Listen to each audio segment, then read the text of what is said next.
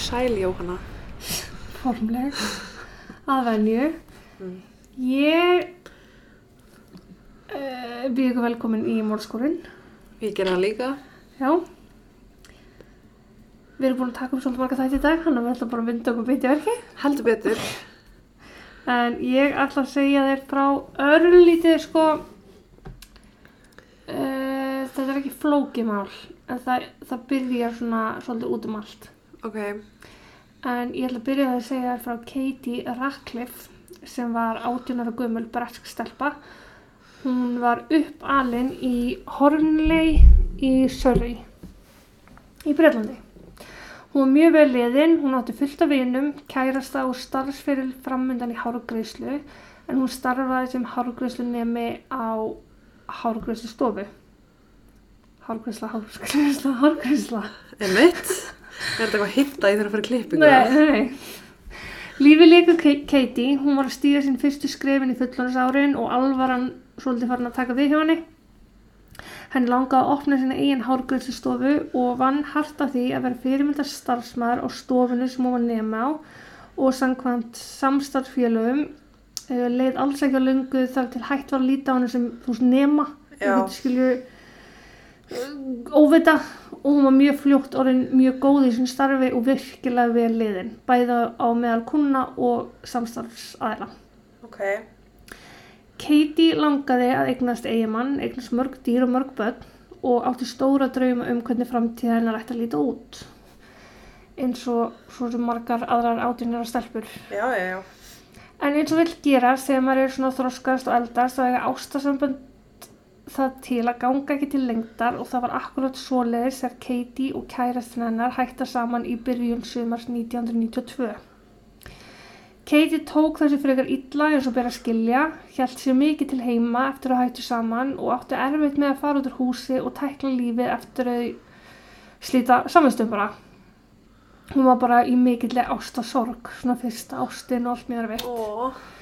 Til að reyna að dreifa hugunum svolítið frá sambandslítunum hafði Katie verið kvött af vinnu sínum að kíkja hans út á lífi með þeim eitt sjömakvöldið og Katie gefur eftir og ákveð því þann 7. júni að gera nákvæmlega það. 92. Já, rífa sér bara upp úr sorginni og skemmta sér loksins vel með góðum vinum. Uh, Vinnahópurinn fór saman og skemmti staðinn að raka möffin, að raka möffin Ok. þar sem þið skemmti sér konungla fram á morgun 7. júni. Eða þetta aðfara nótt 7. júni. Eftir að staðnum lokar að klokkan fjögur um morgunin þá splittast hópurinn, bara eins og á það til að gerast. Mm, Þekki það. Mm. Og Katie endar einn. Það var ekkert vandamál en það mun að koma sér heim eftir djammið og hjælt því á stað fótgangandi. Það er samt svolítið sko lung vegalegt á milli þess bæjar sem hún er alveg upp í og þar sem hún var á skemmtistanum en það er hvergi talað um hvort hún hafi verið flutt eða hvert hún var að labba. Ok. En að ég ætla bara að veist, gera ráð fyrir eins og margir aðri að hún hafi verið að labba í lest eða strætó eða legubíl Já, eða eitthvað svoleiðis. En hún var í það minnst að bara að labba til að komast heim. Katie skilaði sér þó aldrei heim því að líkið hana fannst út í vegakanti um morgunin í Farnborough í um 7 km fjarlæð frá skemmtistaðnum þar sem hún hefði verið með vinu sínum fyrir nóttina.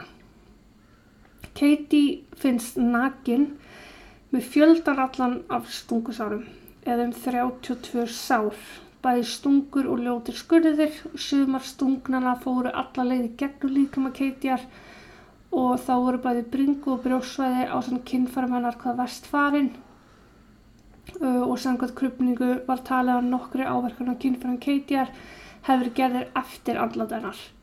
Ok. Ástand lík keitjar bendi til að sá sem hefði myrt hana hefði gert það með þeim tilgangi að kvelja hana eins lengi og mögulegt var. Uh. Í ljósi þess hvar áverkarnir voru, Katie var jú nakin og ljós þóttu að morðið hefði verið virkilega brútal og gert með því leiðljósa pintana þá fannst lauruglu engin vafi á að ásetningurinn hafi verið kynferðslegur. Fyrst Já. að við komum til að hafa verið drifin af einhverjum kynferðslegum. Emitt. Löngur. Já. Lauruglun átti erfitt með að leysa málið. Hvað hefði Katie verið að gera í Farnborough? Hvernig komst hún þangað? Hvert ætlaði hún fótgangandi? Böðst henni far, húkaði hann sér far, fullt af spurningu sem þótti mjög erfitt að fá svör við. Eina sem lauruglan taldi alveg víst var að þeir væri að leita til karlmanni á svona 30-40 aldri og líklega mjög sterklega byggðum í ljósi hversu bara brútal áverkarnir voru. Var búið í gegnum hana. Lauruglan aðtöfa með þá sem höfðu verið á skemmtistafnum, yfirheyði fullt af karlmönnum með stöðu grunas, grunaða, ásamt því að fá sögu allra þeirra sem hefðu hitt Katie eða síðan að þetta kvöld. Málið gerist 1992 og tæknin bara eftir því. Já, einmitt. Lítið fannst á vettvangi þar sem að Katie fannst, ekki neinn merkjum átök þá þessa leið sem hún var talin hafa gengið Já, og engin lífsinni sem að gátu bent til neins. nei. Þannig að máli endaði á því að leysast ekki nærðið strax þó að rannsókn málsins væri, að, þú veist, hún var ætíð virk. Já, já, Þeir já. alltaf, lókuði ekki málunni og lögðu hann í skúfu. nei, þeir voru alltaf að reyna að gera eitthvað í þessu. Þetta var bara lítið samfélag og, og vildu bara finna viðkomandi. Þetta vakti óhug í fólki á sæðinu en það einhver maður laug sem að hikaði augljóslega ekki við að drepa til um slausu. Núna ætla ég að setja þetta mál aðeins á pásu og færa mig yfir í annað. En tveimur ánum síðar, eða þann 7. júni 1994, Upp á dag. upp á dag, fekk starfsmæði neyðalínu símtal um árás í grunnskólanum Collingwood College og þó sé skrifa sem college þá er alveg tekið fram að þetta sé ekki framhaldsskóli Ok. um, en þar þetta er secondary school Já. og þar hafði 14 ára gömul stúlka platað aðstelpu að nafni Anne-Marie með sér inn á baðherbyggi og veitt henni virkilega alvarlega áverka 14 ára. 14 ára. Anne-Marie var í kjölfara að missa tölvöld mikið magna blóði og láð því mikið á að fá sendan sjúkrabíl á svæðið. Sjúkrabíl og laurugla mættu því snarast á svæðið og Anne-Marie var flutt í flýti á nærlegjandi sjúkrahús þar sem, betur venna á þessu berginni en hún hafði hlotið virkilega djúft stungusár í bak. Andlegi skaðinn sem hún varð fyrir var þó svo gríðalegur að í marga mánuði þurftu fóruldra hennar að sitja á rúmstoknum hennar á meðan hún svafa nætunar Æi. bara vegna áfallastreituröskunnar sem hún hlauti kjálfur árásrennar. Já. Gerandin var hinn 14 ára gamla Sharon Carr. Sharon hafði þá beðið Anne-Marie að koma með sér á bað í þeim tilgangi að leita smápinningu sem að Sharon átti að hafa týnt. Anne-Marie hefði allir tíð verið frekar smeyku Sharon og gerði því strax þar beðinum, bara eldan inn á baðarbyggi og hóf strax handaði að leita hér og þar um baðarbyggsgólfin Einmitt. og þegar tækifæri gafst dró Sharon fram 12 cm langan hníf. Ann-Marie var strax vöruð það og ætlaði að snúa við og hlaup út, bara shit, þú með hníf. En áður hún kom svo langt hrindi Sharon henni í gólfið og stakk Ann-Marie bakið svo hnífinu fór í gegnum annað lunga á henni. Oh. Er 14 ára börn, sko. Nánast í sömu andrá gengu inn samnefndu stelpnana þar sem að Sharon stóð yfir degjandi Ann-Marie, úst, að því að henni var auglúslega blæðið út hana og gæti ekki andað Já. og hún stóð svona og kastaði hnífnum á milli handan á sér Uh, og var bara skellbrósandi og glottandi. I did this. Uh Þær náðu að snúa strax við og láta vita því hvað hefði gengið á og því var hægt að kalla til aðstöðar en það var engin vafi að Ann-Marie hefði látist hefði þær ekki lappað inn á þetta hræða ladvik. Til að segja hans fyrir Sharon þá fættist hún árið 1979 í Belize, Belize, ég ætla hún eitthvað ekki að endur taka þetta aftur, Ah. í Suður-Ameríku, alveg við Karabíska hafið, bara náða þetta rúpa. Oh. Þar bjóð hún á samt fóröldur sínum og sískinum. Sharon átti óbúslega erfiða æsku. Hún ólst upp í mikilli fátækt, fóröldur hennar voru allt annað enn til fyrirmyndar, átti bæði við mikinn fíkni vandar stríða og pappinar var hrikalega ofbildusfullur og móður hennar mjög skapstór og let skapið dinni á Sharon að hafi meðal annars notast við og kent henni vútugaldra.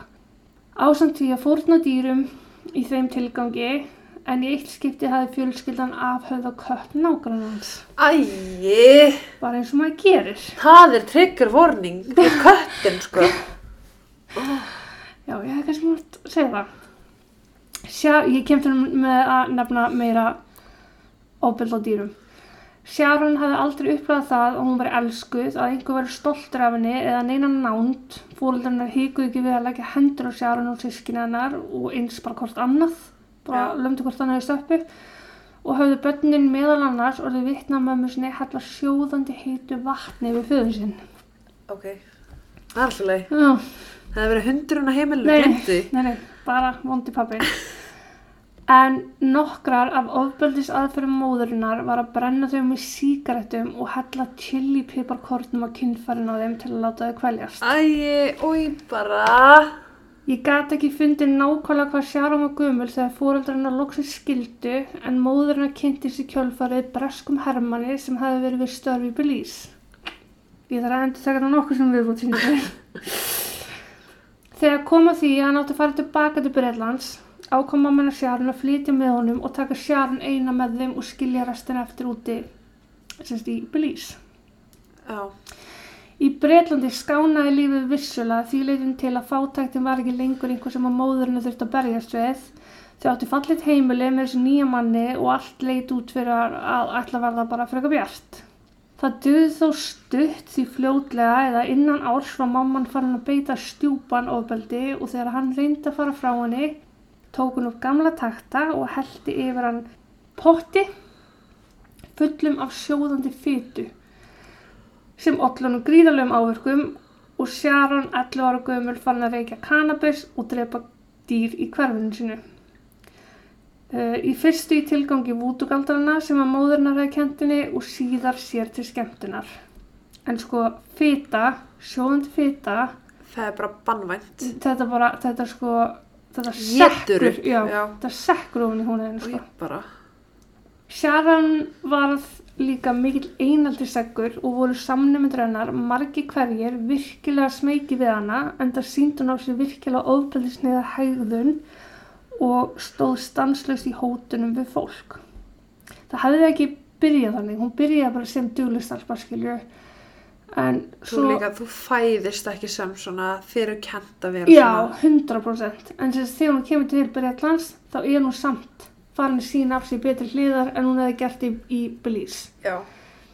En var þar til hún var komin í vinhóp sem hafði virkilega slæma áhrif á hana og var nú öll þau slæma áhrif sem hún var nú þegar að verða fyrir bara að vera, fyrir að vera dóttir fóröldra sinna og hún var ung farin að brjóta af sér þá stelandi og tók þátt í líkamsárusum og annað eins. Eins og bróðupartur vinhópsins gekk hún alltaf með vopna á sér og var þar jú engin undantekning á þann 7. júni árið 1994 þegar hún leðast á Anne-Marie. En eftir að Anne-Marie hefði verið flutt á spítala var Sharon eðlilega flutt á geðdelt til að hægt var að gera mat á henni. Þegar þangað á komið var hún í mjög annarlega ástandi og síndi enga miskun eða eftirsjá yfir því sem hún hafi gert. Bara slétt sama. Þá reyndi hún einnig að kirkja starfsmann geðdeldarinnar og þar með fór hún yfir öll strik og þrátt fyrir ungan aldur var ákvaða handtakana og færa hana í gæsluvarðhald. Og hún var bara sett í fangaklefa. Það má klálega deila hvort það hafi verið rétt ákvörðun í ljósið þess að þetta er 14 ára gamalt. Hvort það hafi verið löglegt. Já. Uh, við erum ekki geðlæknar en það er nokkuð auðvitað að eitthvað mikið já. Fyrir árásuna á Ann-Marie hlaut Sharon tveggja ára fangilstóm í úlingafangilsi. Já, svona juvenil. Já. Sharon hafði hérna afplánað meiri hlutan af dóminu sínum og leit allt út fyrir það að hún myndi sleppa um 16 ára aldur. En verandi eins ofbúslega veik og hún var þá stóðst hún ekki mátið og var farin að monta sig við sam, samfangu sína um ymsa verknaði sem hún hafði framið og talaði um að hún hefði jú áður framið morð. Hún hafði mjög hátt um að hún hefði tveimur árum fyrir árásna Ann-Marie myrt aðra stelpu. Oh, Fangelsis yfirvöld frétta auðvitað strax að þessu og ákveða í samráð við lauruglu að Sharon skildi færði yfirlýslu á vegum lauruglunar því snarasta til að koma að staði hvað óskupun hún var að tala um og hvað er þetta að monta að já. og við tókum nokkra dagi yfirlýslur og allt í allt var rætt við hana í 27 klukkustundir þar sem hún lit allt flakka. Shit. Hún lísti því í smáadröðum hvernig hún hefði drepið Katie fjórum árum áður sem ég sagði frá hennar fyrst. Lauruglan tók því með fyrirvara enda umfjöldum fjölmjöla um mál Katiear væga sætt hávær Já. 1992 þegar hún var myrt. En það sem kom laurugla óvert var hún gætt sagt frá smáadröfum sem enginn hafi vitað um að réttalæknir laurugla og fjölskylda Keitjar. Oh. Hvernig hún hefði stungið hann og svífirt, að hún hefði stólað henni arbandi og hvernig hún hefði veitt henni einhvern eitt sérstakann áverka sem að lauruglan ein vissi af. Sem að lauruglan hefði ekki eins og sagt fjölskyldunum frá. Því var ljóst að hún hlýt að vera einhvern veginn við ráðan málið en málið var að lauruglan var alltaf að leita sterkbyggum karlmann á færtugsaldri en árið 1992 var Sharon 12 ára gömul. um mitt. Sharon gaf nokkra mismöndi en þó líkar útgáfur af gangi mála. Hún hefði byrjað á því að segja að hún sagt, hún hefði verið á rúndinu með tveimur tölvöld eldri kallmönnum nóttin sem að Katie var myrt. Hvað fjandan voru tveir fullandi kallmenn að gera með 12 ára barni? Þau hefðu reykist á Katie sem var á gangi um gödunar þarna og stoppað bílinn og búið henni far. Þau hefðu þó tekið hann á afskektan stað þar sem að Katie náði að flýja þegar henni var að þessi þremenningar ætlaði að geta kerna heim þegar ætlaði að gera henni eitthvað slæmt. Sharon hafði þá einn hlaupað eftir henni og stungið hann á margsinni sem er 18 cm lengun hníf þar til hún lést og þá hafist handa við að skera hreinlega af henni brjóstinn Oh. og veita henni þessar skelfilega áverka sem voru á kynfærum hennar. 12 ára barn. Um mitt. Sharon hafi svo ætlaði að færa líkið en gata ekki vegna þess hún er 12 ára Um mitt. og hún hafi þó beðið þess að tvo kallmennum að aðstæða sig, aðstóða sig sem þeir höfðu þá gert. Hún breytti svo sögunni og sagðist að það var stungi Katie þegar hún var ennþá í bílnum og strákanir höfðu svo aðstóða hana með að færa líkið á bílnum þangað þar sem að Katie fannst. Já. En það skipti ekki máli hvað útgáfum hún gaf, hún átti sjálf alltaf ein hlutamáli í morðinu sjálfu. Já. Þegar ljós kom að báði þessi menn sem áttu að hafa verið með henni þessa nótt voru með fjárvistasönnun var í raun ekki hægt að segja til um hvað hefði komið fyrir. Hvernig Katie var fyrir þessar árás. Sharon hafði í það minnst að ekkert verið með þessu kallmönnum þetta kvöld uh, en hún var nú samt að viðkjanna að hún hefði framið alveg ógeðslan glæp. Því var ákveðið að fá leitarheimild og leita inn á heimili Sharon. Inn á heimili Sharon fundust dagbækur sem vöktu óhug allra þó sérstaklega hjá sjálfur mér. En hún hefði skrifað í dagbókuna hversu stolt hún væri að sjálfur sér að hafa myrt KR eða Katie Ratcliffe.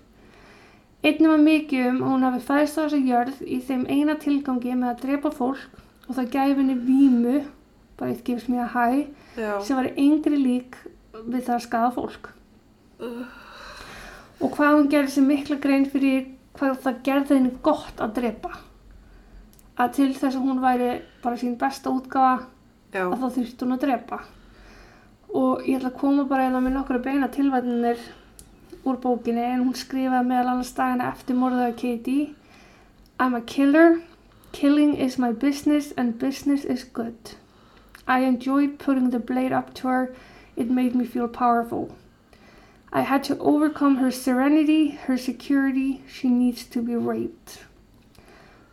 Oh damn, I got a taste for red rum and God, I want to get drunk. Red rum aftur á bak er mörder. Ah. Eins að hann teikna mjög óhuglega teikningar hér og þar um alla bókina. Þetta var þó ekki nóg til að staðfesta það að hún veri morðingi en þegar laurugla fann svo dagbók frá 1994 sáu þeirra svarta hvítu að þetta geti ekki verið neinn tilviljun en hún hefði skrifað daginn fyrir árásuna Ann-Marie og hún yrði að myrða það aftur. Hún yrði að gera það í tilefni þess að tvö ár voru liðin frá morði Keitjar. Oh. Sagt, þetta er bara 1992 dagbók, 1993 dagbók. Já. Skilurðu? svo- Já. Já. Hún skrifaði að í þetta skipti ætla hún að taka sér lengri tíma í að myrða næsta fórnalam að því hún hafi notið þess svo mikið að heyra Katie kveljast tveimur árum áður og hún sæi eftir því hvað það hefði tekist stuttan tíma. Oh. Einnig tók hún fram að hún sæi sjálfa sig sem djöfulinn í hver skipti sem hún leiti speilin. Útslæði var svo í nýjustu dagbókinni sem hún hjælt í fangilsinu eftirlitslaus en hún hafði skrifað þann 7. júni 1996, þess árið sem hún hafði raun átt að sleppa Já. fyrir árásin á Ann-Marie til minningar um Katie fjögur ári dag. Þannig hún nærðist svo rosalega á því að geta litið tilbaka í þessar dagbækur og muna tilfinningarnar sem að hún fekk Já, þegar, já, sem hún upplifði þegar hún myrði Katie. Sharon var eðlilega að fara í geðrænt mat sem var gert að fjölda sjálfræðinga og fjölda geðalegna sem voru allir sammála um að þeir höfðu hreinlega ekki hugmynd um hvað var að hrjá barnið. Hún var bara með það flókna já, geðvilu að þeir gáttu með engum móti verið sammála um hvað geti verið að hrjá hana.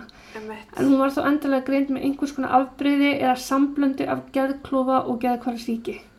Oh. En hérna vil ég sérstaklega vanda orðið mín. Ég hef enga læknisfræðilega þekkingu uh, á þessum tveim sjúkdómum.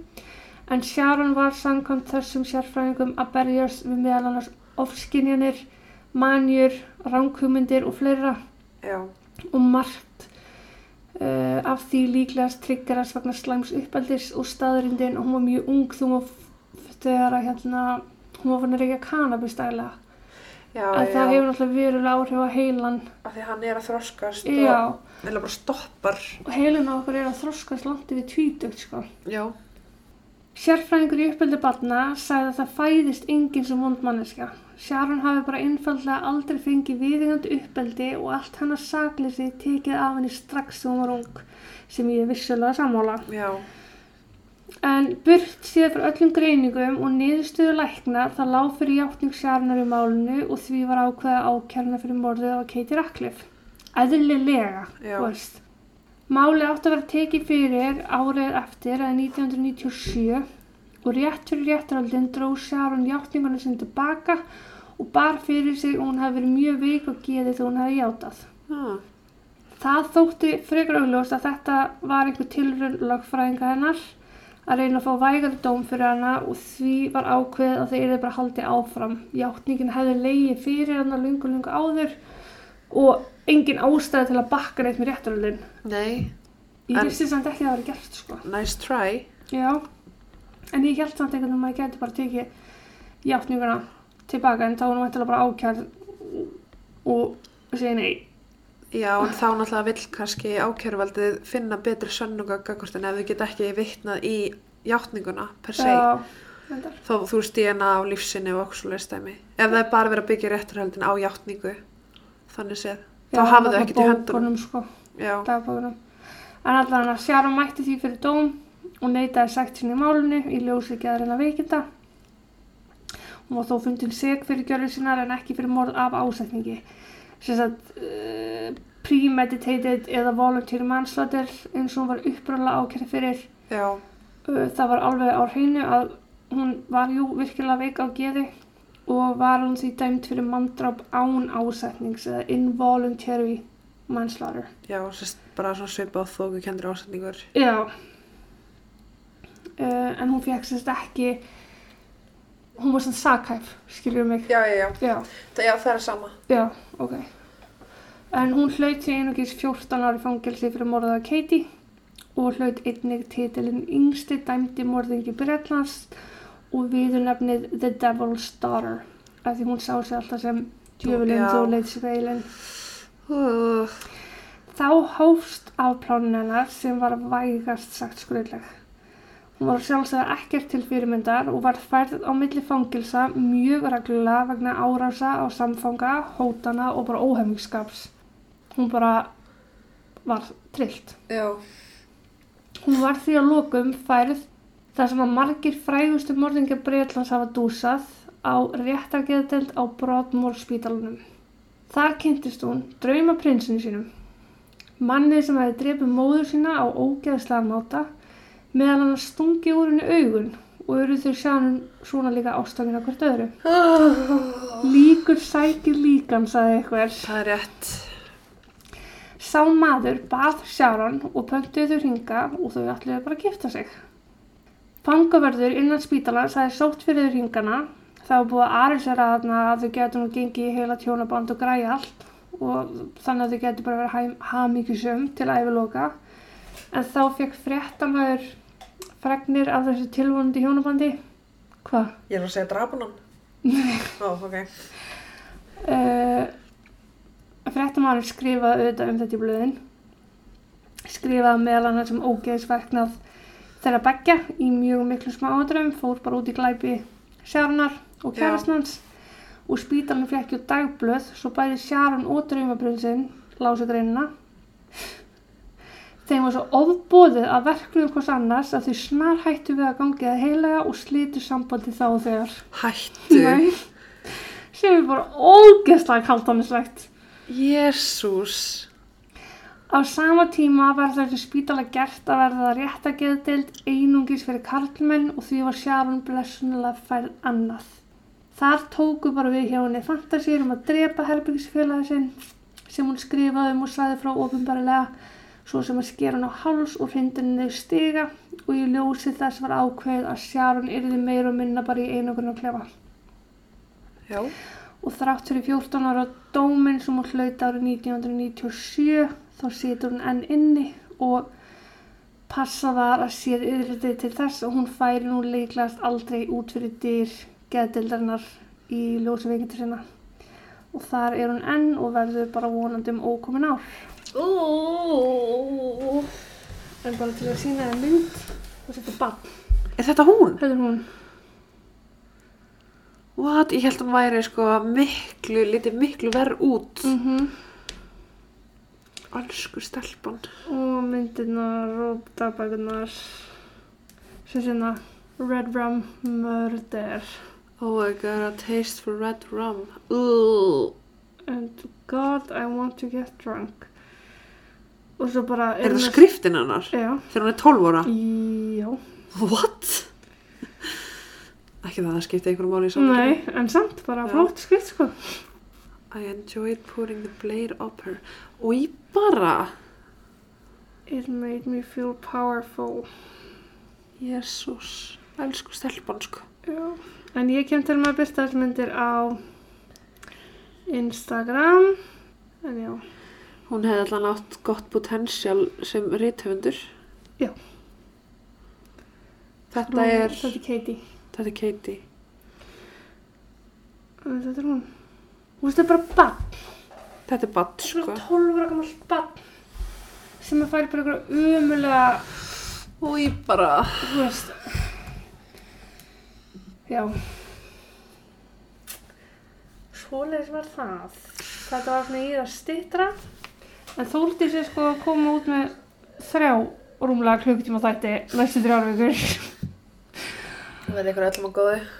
Já, þannig að ég hugsa að við segjum þetta gott í byli Já, og við heyrumst næsta miðdag. gerum það.